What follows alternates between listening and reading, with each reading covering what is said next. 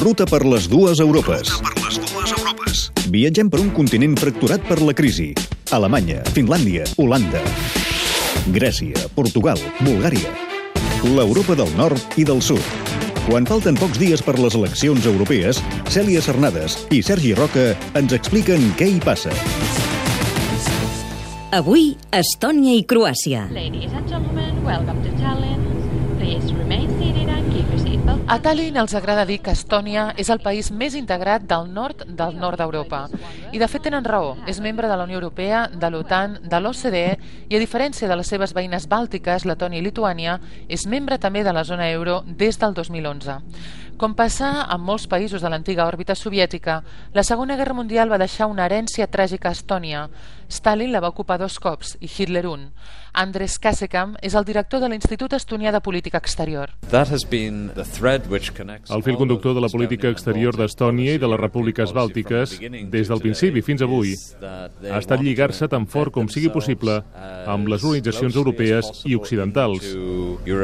Estònia ha intentat sempre moure's de la perifèria al cor d'Europa. Dels més de 40 anys de comunisme ha quedat un temor visceral a Moscou que avui, amb la crisi d'Ucraïna, s'està reproduint. La Liz té por, té 60 anys i és una artesana que treballa al Centre Medieval de Tallinn, Patrimoni Mundial de la UNESCO. Estem molt espantats, molt.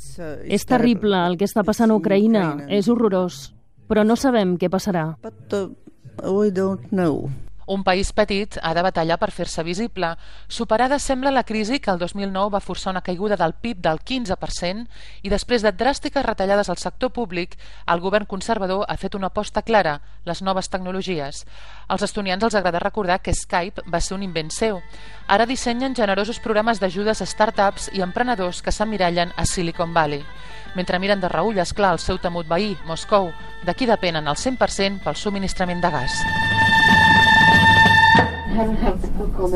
Zagreb està lluny de ser la capital més turística d'Europa, però Croàcia en general sí que viu un boom del turisme, sobretot a la seva costa adriàtica.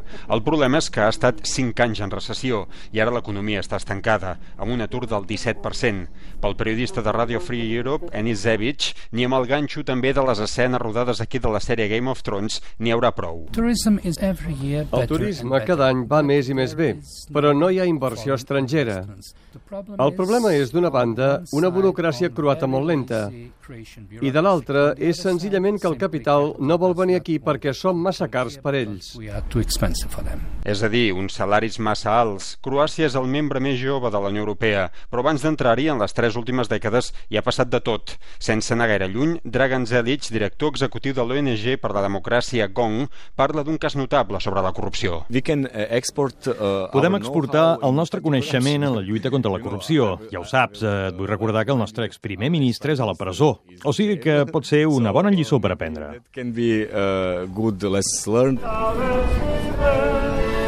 Però sobretot Croàcia té obertes encara ferides de la guerra dels Balcans. Estan supurant més en els últims mesos amb moviments dirigits contra els drets de les minories. El paradigma, Vukovar, a l'est, on es vol fer un referèndum per frenar que el cirílic, utilitzat pels serbis, sigui el segon alfabet oficial a la població.